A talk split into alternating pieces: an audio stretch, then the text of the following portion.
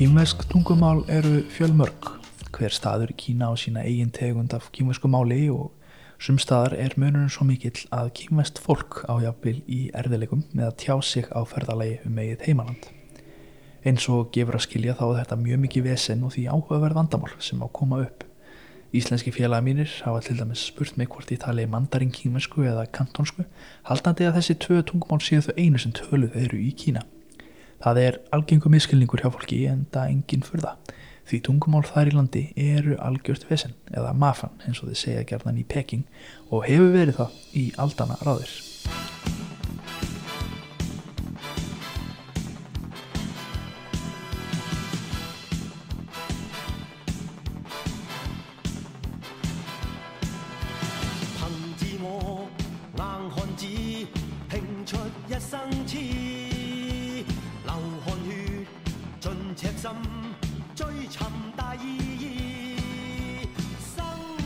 Sprengingu kvikmynda yðnarins í Hong Kong hafa kvikmyndir þaðan ferðast út um heim allan. Í þeim myndum er töluð kantónska eða Guangdonghua sem er oft talin vera eitt af þeim mörg þúsund tungumálum sem finna má í Kína. Þessi málvenja á sér rætur í Guangdong héradi í Suður Kína en þar má finna alls konar útfæslur á henni.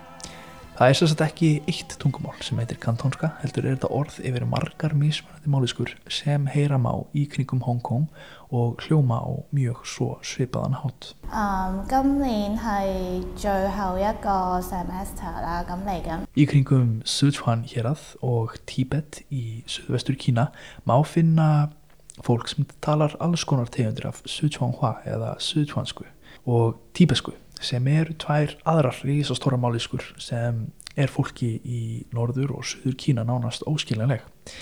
Kutjahua eða Hokken eins og við þekkjum það á Vesturlundum er ein önnur tegundin sem dreifst hefur um heimallan og finna má e, mikinn fjölda fólks í Suðaustur Asju sem talar þá málisku.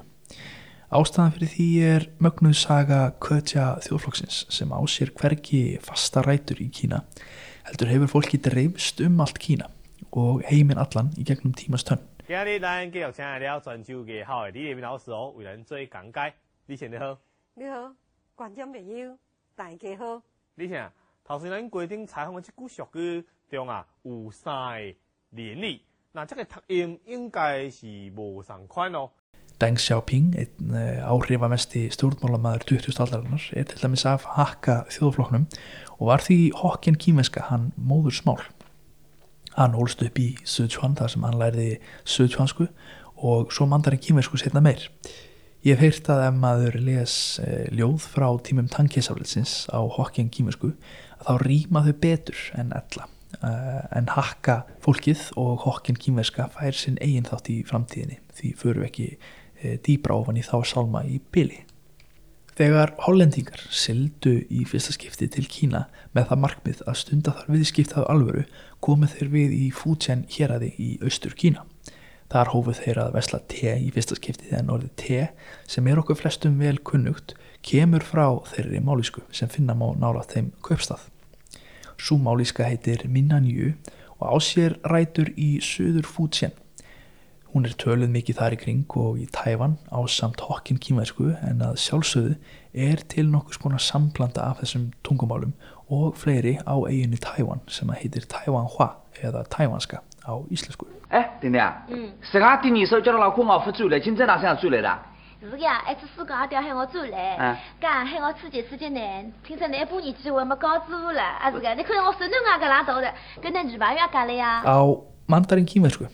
er orðið cha notað fyrir te en í latneskum eða germanskum tungumálum þá er notað orðið e, tí og til dæmis te á spænsku og er þetta upprunni þess af hverju við tölum um te hér á Vesturlöndum.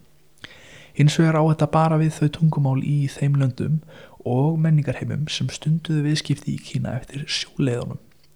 Í þeim löndum sem stunduðu viðskipti með því að ferðast með landleðinni eins og Inderjar til dæmis þá er persneska orðið chai notað og eh, sem hefur líklegast komið frá annari málisku í Kína í gegnum Silki vegin Ástæðan fyrir þessari fjölbreytni er einfallega svo að þeir kaupmenn sem komu landleðina versluðu annar staðar en þeir hollensku sem komu sjóleðina. Á arabísku er sagt shai og á urdu, swahili og rúsnesku er sagt chai eins og á Índlandi. Því skiptir máli hvar ólíkir heimar mætast því tungumál fólks er breytilegt eftir þeim aðferðum og leiðum sem farið er í vestlunar leðangra. Það er ekki að ástæðu lausu að ég segja að kýmmesk tungumál séu vesen. Þetta á ekki einungis við þegar fólk er að reyna að eiga í samskiptum sín á milli. Heldur líka þegar ríkistórnir vilja koma hugmyndu sínum og lögum á framfæri. Vegna þessa varð mandarinn kýmverska svona útbreytt en í dag geta um það byrj 70% allra kýmverja sem er um það byl eh, miljardum hans eh, tjá sig á mandarinn kýmversku en, en þó bara samt upp að vissu marki. Það er gerðan djókað og sagt að málíska með sjóherr kallast tungumál en restinn bara málíska. Þegar talað er um tungumál og málískur í Kína nútímans er hefð fyrir því að mandarinn kýmverska sé talin vera tungumál á meðan öll hinn tungumálinn séu málískur við hliðess. Það er hins vegar ekki beint rétt þar sem kýmverst samfélag er fjöldtingt samfélag með mörg tungumál og því óþarfi að gera lítið úr því. Mongólska og tíbeska eru tvö mjög góð dæmi uh, um tvö önnur tungumál sem finna má í Kína en, en þau tungumál eru töluð af miljónum manna. Þegar maður kemur til staðar eins og uh, Yunnan í söðri og Suðu Kína og Xinjiang í vestri er erfiðara að nota mandarinn kýmversku en því norðaustar sem maður fer ferast í landinu getur maður meira fólki sem er nokkuð reybrennandi í mandarinn kýmversku hins vegar ef maður fer oflant norður og oflant austur þá er málískan þar orðin gjör ólík þeirri mandarinn kýmversku sem heyra má í Peking eða Tianjin til dæmis 你一开口呢，又像是北京电视台的人，是是是是，因为他这个北京口音。 还保留着很纯正。其实啊，他们有人做过这个语言学的研究啊。哦。今天就是你们所说的这种北京话，然后满嘴跑舌的这种儿儿儿儿儿化音呢，还不是你们当年你们的父辈离开北京的时候。不是不是不是。你是比较接近老老北京老北京老北京话讲话没那么快。Fólk sem kemur frá norðaustur Kína og það til að monta sig við því hversu bjátrún eða stöðluð mandarin kýmerskan þeirra er í ljósið þess hver náskild máliskan á því svæði er þeirri peking kýmersku sem mandarin kýmerska dregur mest áhrif sín frá. Og þess vegna leggur fólk þaðan minni orku í að læra hann í grunnskóla. Af persónleira reynslu þá finnst mér mjög erfitt að skilja fólk sem kemur þaðan vegna þess hver hörð máliskan þeirra er í raun. Ákveðin tegund af mandarin kýmersku hefur verið töluð í Peking hátt í þúsund ár og á því svæði í kringum höfuborgina má finna alls konar útfæslur á því tungumáli. Ef farið er norðaustur á svæði sem kallast Dongbei er talað Dongbei Hua en í þeirri málisku er mikið notað R hljóðið í tali sem týðkast til það á því svæði. Um, til dæmis orðið Hua á mandarin kýmisku er borðið fram sem Huar í Dongbei. Í norðaustur Kína þýðir þetta orð blóm eða jafnvel allt í blóma en í norðvestur Kína er orðið Huar notað fyrir ákveðina tegunda fjóðlega tónlist í Qinghai og Gansu héræði. Til eru hljómsutir fylltar af ungu fólki sem fær e, innblástur frá þessari þjóðlega hefð og skapar tónlist aðhætti Huar en syngur á nútíma mandarin kýmvisku. Þessi þjóðlega hefð er mjög aðtilsverð og er það vegna tónfalsins og harmoníunar þegar sönglað er ljóð sem samin hafa verið gegnum aldana ross. Yfirleitt fjalla ljóðin um náttúru, e, fjöll og ár sem hafa fært fólkinu drikk, fæði og klæði í gegnum súrt og sætt. Vegna þess að mandarin kýmverska hefur verið töluð svona lengi í höfuborgun okkara keisarvelda að þá hefur það mál skiljalega haft mikil áhrif. Metnaðafullir nefendur sem að höfðu það markmið að starfa innan hýrð keisarans hafa líklega slært málið af kappi og því hefur það breyðist um landið þægt rólega í efstu stegun samfélagsins. Mandarin kýmverska hefur á sama tíma verið nótið sem lingua franca meðal embætismanna og loks um miðja 20 stöld var ákveðið að mandarin kýmverska er því gert að opimberu móðurmáli kýmverska alþýðu lífveldisins á meginlandinu og líðveldisins Kína í Tævan. Einnig er mandarin kýmverska eitt af fjórum opimberum móðurmálum í Singapúr og út frá þeirri útbreyslu var að mandarin kýmverska eitt af fimm höfuð tungumálum saminuð þjóðana. Á tímum tíngkesarvaldsins var fjöldtengdri hefð haldið uppi innan hyrðarinnar og því náði elitan alltaf að vinna saman á mörgum tungumálum. ákveðin tegund af mandarin kýmversku var samt notuð meðal mentamanna og í hyrð keisarans. Hún var kalluð Guanhua eða mál embætsmanna og var notuð til að e, embætsmenn frá mismöndi hérðum gáttu talað sín á milli. Guanhua var samt aldrei ætlað að fara um all landið og því dreifðist það ekki meðal fólks í sveitum, borgum og bæjum ríkisins. Fólk talaði bara eigin móðumál sín á milli og þeir embætsmenn sem töluðu Guanhua töluðu flestir með hörðum málhreim heima hér að sinna og voru gífurlega stoltir af því. Þegar portugalsku jesuítanir komu fyrst til Kína á 16. öld voru þeir mest íkringum embætsmenn ríkisins. Auðvitað töluðu þeir Guanhua og því var það málið sem að jesuítanir lærðu. Orðið mandarín kemur úr portugalsku en það þýðir ráðherra eða embætsmaður. Þannig var heitið fyrir mandarín kýmversku fyrst notað af vesturlandabúum innan heyrið kýmversku kissaraveldana sem hægt og rólega varð að þeirri mandarín kýmversku sem við þekkjum í dag. Þrátt fyrir þessa einföldu útskýringu á hvernig málið þróuðust í gegnum söguna að þá var þetta samt meikið flóknara og óskipulaðara ferli en gert var ráð fyrir í byrjun. Árið 2014 leik leikarin Jackie Chan í sjampóauðlýsingu fyrir kýmverska Bawang sápufyrirtækið. Þegar hann kom fram hafði hann ekki hugmynd hversu mikil áhrif auglýsingin átti eftir að hafa á kýmverskum samfélagsmiðlum en svo umræða sem átti sér stað er típistæmi um það hvernig mandarinn kýmverska hefur þróast og breyst í gegnum 20. öldina. Sérstaklega á þeim stafræðum tímum sem við lifum en í þessari auglýsingu talaði Jackie Chan um hversu frábært Bawang sjampóið væri og hvernig það glampaði af honum digðin eftir að hafa borið það á hausin á sér. Í þessari auðlýsingu var hann fenginn til þess að improvisera og lýsa jákvæðum hlutum sábrunar. Hann sagði, sjampúið lætur hárið þitt vera svo svart, lætur það glansa svo og mýkir það svo að það, að það bara Hann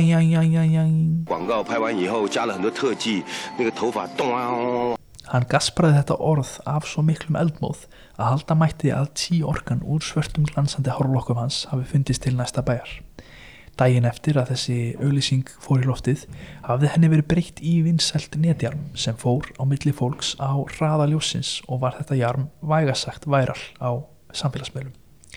Fyrir forvitna þá er jarm íslenska orðið fyrir netfyrirbarið mím en mím er orð yfir áhugaverðar og finnar hugmyndir, myndbönd og myndir sem koma upp á til á netinu. Orðið mím má lesa sem meme sem er einmitt það hljóð sem að kindur gera á íslensku og þess vegna kvöllum við það jarm. En eins og á kýmersku þá breytist íslenska líka með því sem tímanum líður. En hvað með það?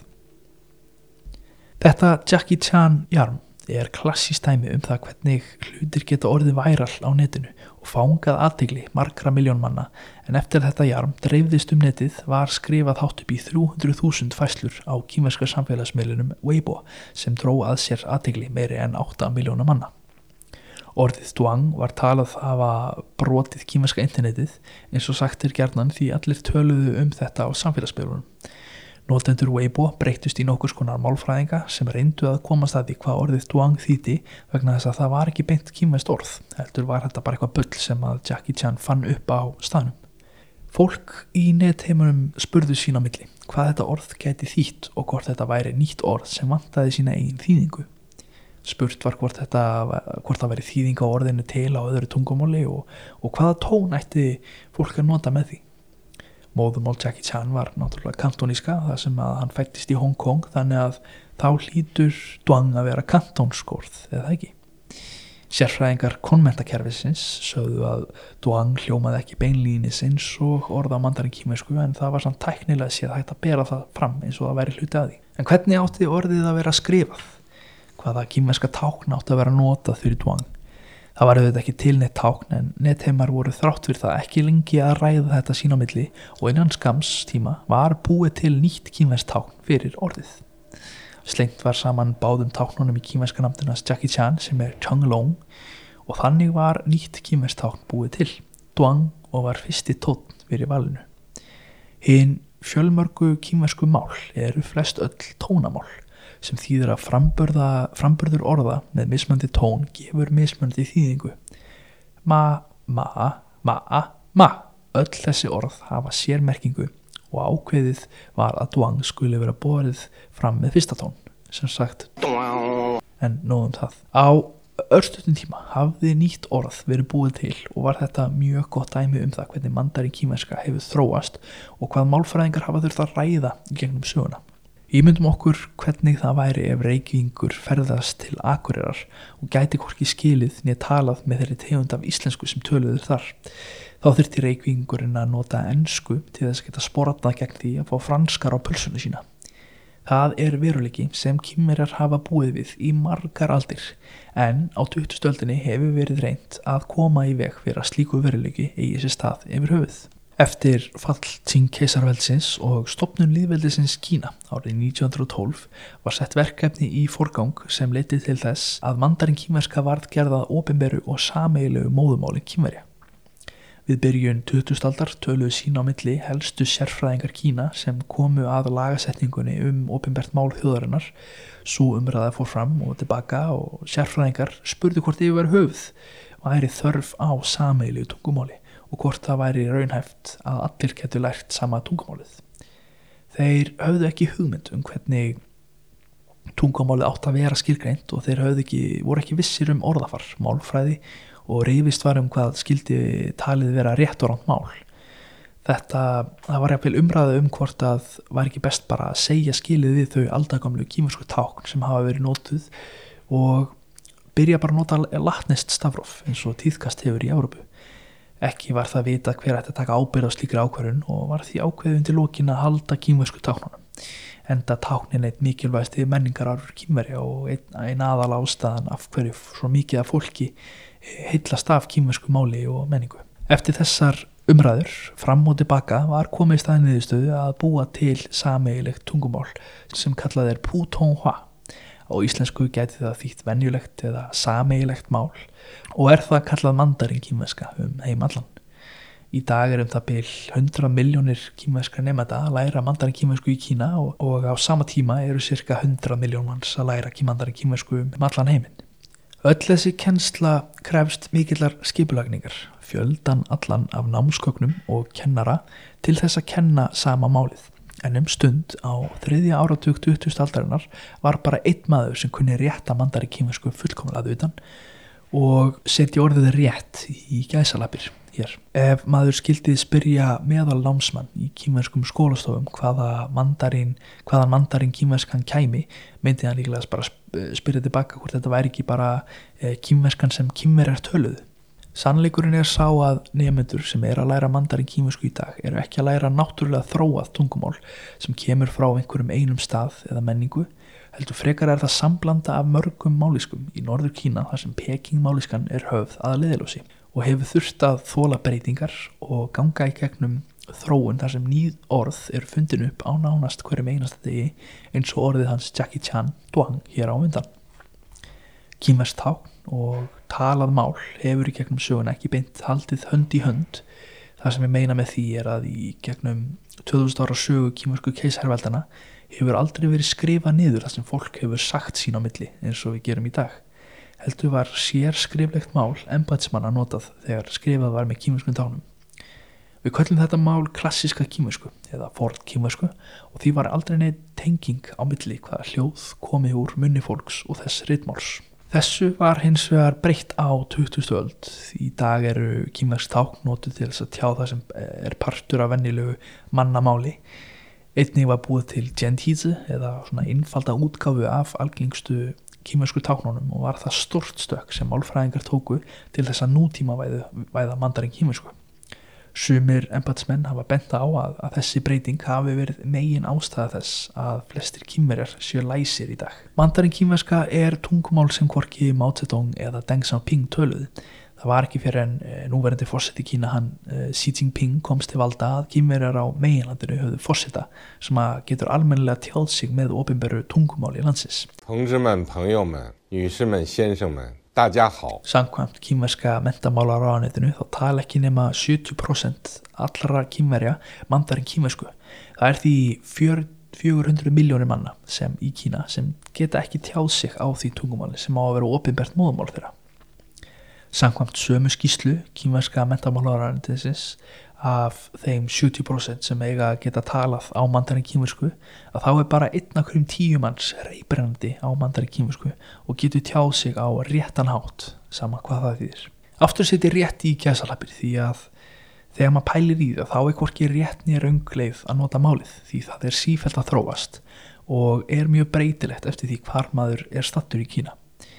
Það er því sama hvað yfirld reyna að tróða á almúan því græsrótt listamanna og samfélagsins í kring breytir tungumálunu með tímanum eins og með því armið hans Jackie Chan hérna áðan. Sá sem hefur ferðast frá vestri til austurs í bandaríkanum og jafnveil farið til Breitlands eða Innlands hefur ekki þurft að mæta hefur ekki þurft að læra mismöndið tegundir af ennsku eða nokkuð. Er þetta ekki bara eins og í Kína? Stuttasvarið við því er nei. E, þegar komið er samt til Wales í Breitlandi er hægt að finna lítið þorp sem heitir Lenfler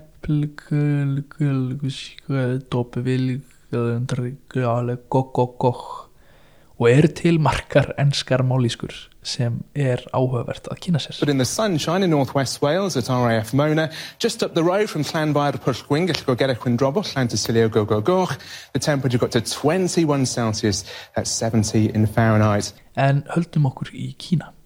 Ég bjó eitt sinn í borg sem heitir Nanking og þar er talað bæri tungumál sem heitir Nanjinghua eða Nanjingska á samt mandarin kímersku en þegar maður heilsa kunningja úti á götu segir maður gjarnan á mandarin kímersku Chufanlema en í Nanjing heyrir maður á Nanjingsku A Chukola þegar heyrtir eh, mandarin kímersku í Nanjing eru nánast öll orðin borin fram með fjórðatón eða fallandi tón. Og í staðin fyrir að nota uh, hljóðið í máli að þá er notað s hljóð.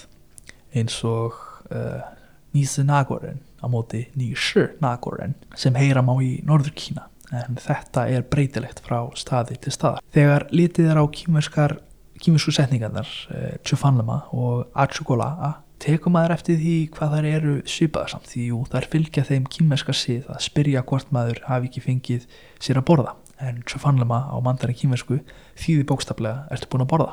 Ástæðan fyrir því að þetta er sagt er einfalda vegna þess að í gegnum sögu Kína hefur oftu verið mikill matarskortur og miklar náttúruhanfarir sem hafa leitt til uppskjörubrests.